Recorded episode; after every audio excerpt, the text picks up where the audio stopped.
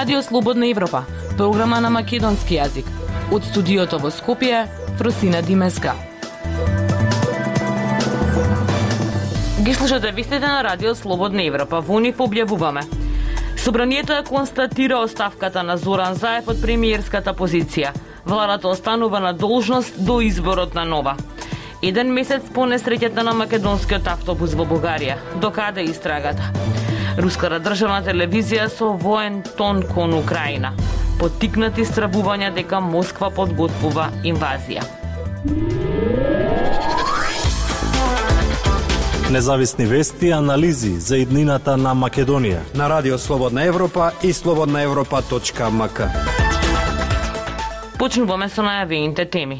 Еден ден од како до сегашниот премиер Зоран Заев до собранието ја поднесе оставката од таа позиција, пратениците ја констатираа. Со тоа почна да тече рокот за формирање на нова влада. Откако ќе го добија мандатот од председателот Стево Пендаровски за состав на владата, новиот мандатар пак ќе има 20 дена да достави на гласање до пратениците. Детали од Марија Митевска. Собранието ја констатираше оставката на премиерот Зоран Заев од функцијата, што беше дочекано со аплауз од пратениците на ВМРО ДПМН, а владата останува на должност до изборот на новата влада. Заев оставката ја најави по одржувањето на локалните избори. Тој преку писмо ги информираше председателот на собранието Тала Джафери и пратениците дека поднесо оставка од функцијата премиер и објасни дека одлуката ја донел како логичен чекор, што произлегува од исходот на локалните избори и како израз на одговорност за изборите. Уставот и собранискиот деловник ја регулираат постапката во случај на уставка на председателот на владата. Роковите за формирање на новата влада започнуваат да течат по констатирање на оставката од страна на претениците. Членот 90 од Уставот предвидува дека председателот на државата е должен во рок од 10 дена да го довери мандатот за состав на влада на кандидат на партијата, односно партиите што имаат мнозинство во собранието. Мандаторот во рок од 20 дена од денот на доверување на мандатот на На собранието му поднесува програма и го предлага составот на владата. Владата на предлогот на мандатарот и врз основа на програмата ја избира собранието со мнозинство гласови од вкупниот број пратеници.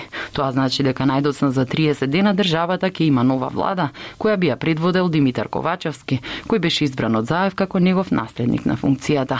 Ковачевски беше заменик министер за финансии, а во меѓувреме стана лидер на СДСМ. Воедно СДСМ обезбеди мнозинство во парламентот со влезот на алтернатива во владеачката коалиција.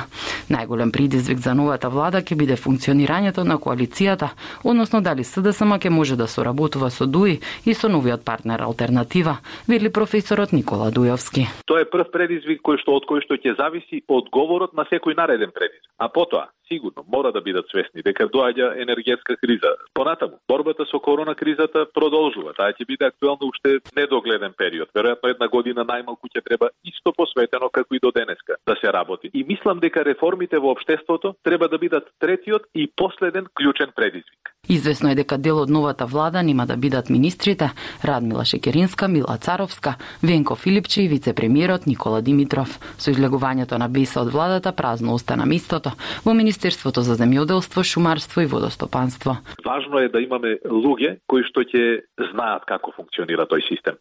Сега во ова време, на многу предизвици, на навистина криза во која што се наоѓаме, не би требало да се поставуваат луѓе лаици кои допрва ќе се запознаваат со организационата шема. Согласно договорот, алтернатива добива три министерски места. Партијата за министер за здравство ќе го предложи Беким Сали. Адмири Малити ќе раководи со Министерството за информатичко општество и администрација, а Джимел Чупи ќе биде министер без ресор, задолжен за диаспора. Според Дујовски најважно е дали новите имиња во владата ќе имаат капацитети за менаџирање. Слободна Европа. Следете на на Facebook, Twitter и YouTube.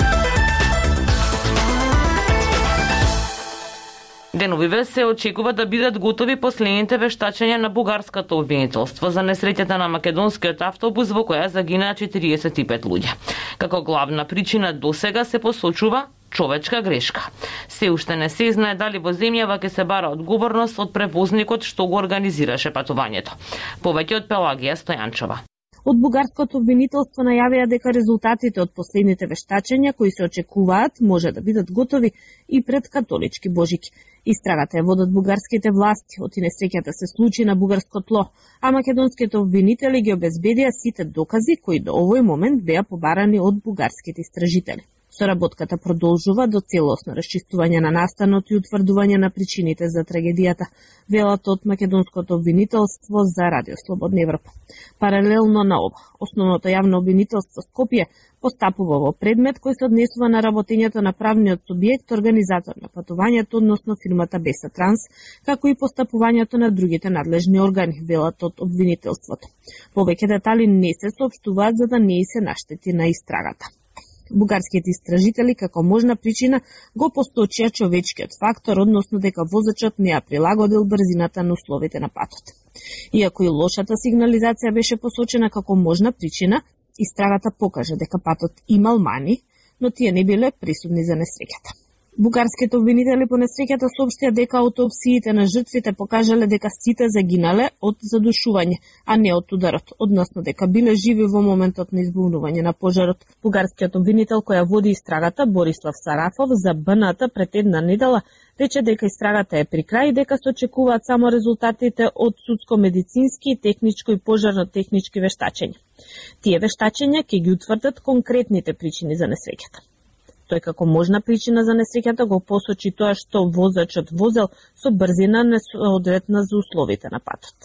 Като цяло, изискванията към един професионален водач на автобус, който превоза 50 и няколко пътници. Парањата за еден професионален возач на автобус се повисоки отколку за кој било друг возач. Од македонските институции по несреќата излегла информација дека автобусот со невалидни или со фалсификувани документи вршел превоз и преминувал граници. Имаме детална евиденција дека истиот овој автобус повеќе од 120 пати е евидентиран во нашиот систем, вклучувајќи и број од извод од лиценци за кои цело време се зборува дека не биле евидентирани. Значи, кај нас се евидентирани се приложувани најверојатно одредени фалсификувани или невалидни документи рече пред недела директорката на Царина Славица Кутиров на пресконференција во Сојузот на синдикатите. Автобусот не бил заведен ниту во документацијата на Министерството за транспорт и врски, а имаше информации дека возачите на изгорениот автобус не биле вработени. Едниот немал ни сертификат за професионална компетентност. Сите тие информации ги истражува обвинителството. Радио Слободна Европа, светот на Македонија. Бројот на вработени во јавниот сектор во земјава не е многу голем, но проблемот е каде се вработени тие луѓе. Дали во институции кои даваат услуги на граѓаните или во оние кои регулираат политики, вели професорот Мемет Мемети. Прашањето за вработените во општините повторно се актуализираше по смените на локалните власти на неодамнешните избори. Прилог на Александар Самарджиев. Обштините и државните институции вработуваат многу повеќе од колку што е потребно, но во насока на обезбедување на гласови за избори, а не за функционалноста на установата. Вака експертите по јавна администрација ги толкуваат состојбите во општина Тетово, каде неодамна новиот градоначалник Билел Касами објави дека затекол 340 вработени и 350 хонорарци, за кои најави дека ќе анализира дали се потребни за функционирање на локалната самоуправа. Од политичка гледна точка, овој клиенталистички пристап е успешен во насока на добивање на гласови, но има несогледливи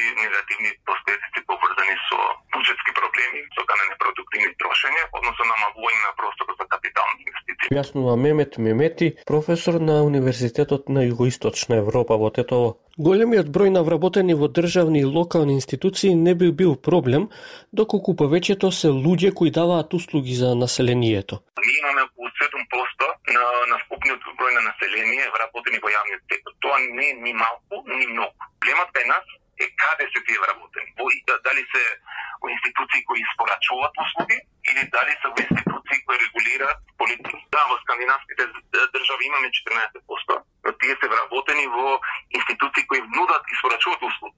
Значи погледнете нивниот просек на не знам учител по учени, просекот медицински персонал пациент. И тука ти е правата разлика. Ние во овие гранти каде треба да ја понудиме услугата, испрачаме услуги. Не стоиме добро, тоа имаме вработување во институции во, рампите на државната администрација, значи на централно и на локално ниво, кои се непродуктивни. Појаснува професорот Мемет Мемети. Сегашната состојба во општините според професорот Вели Креци може да се смени доколку се согледаат целите, буџетските можности и потребата за вработени. Во однос на општините треба да има детална анализа на работните места, за да се утврди колку ќе биде потребно човечки ресурси за извршување на задачите кои што произлегуваат од стратешките планови или од задачите кои што мора општината да ја изврши. Според законот мора да постои по која основа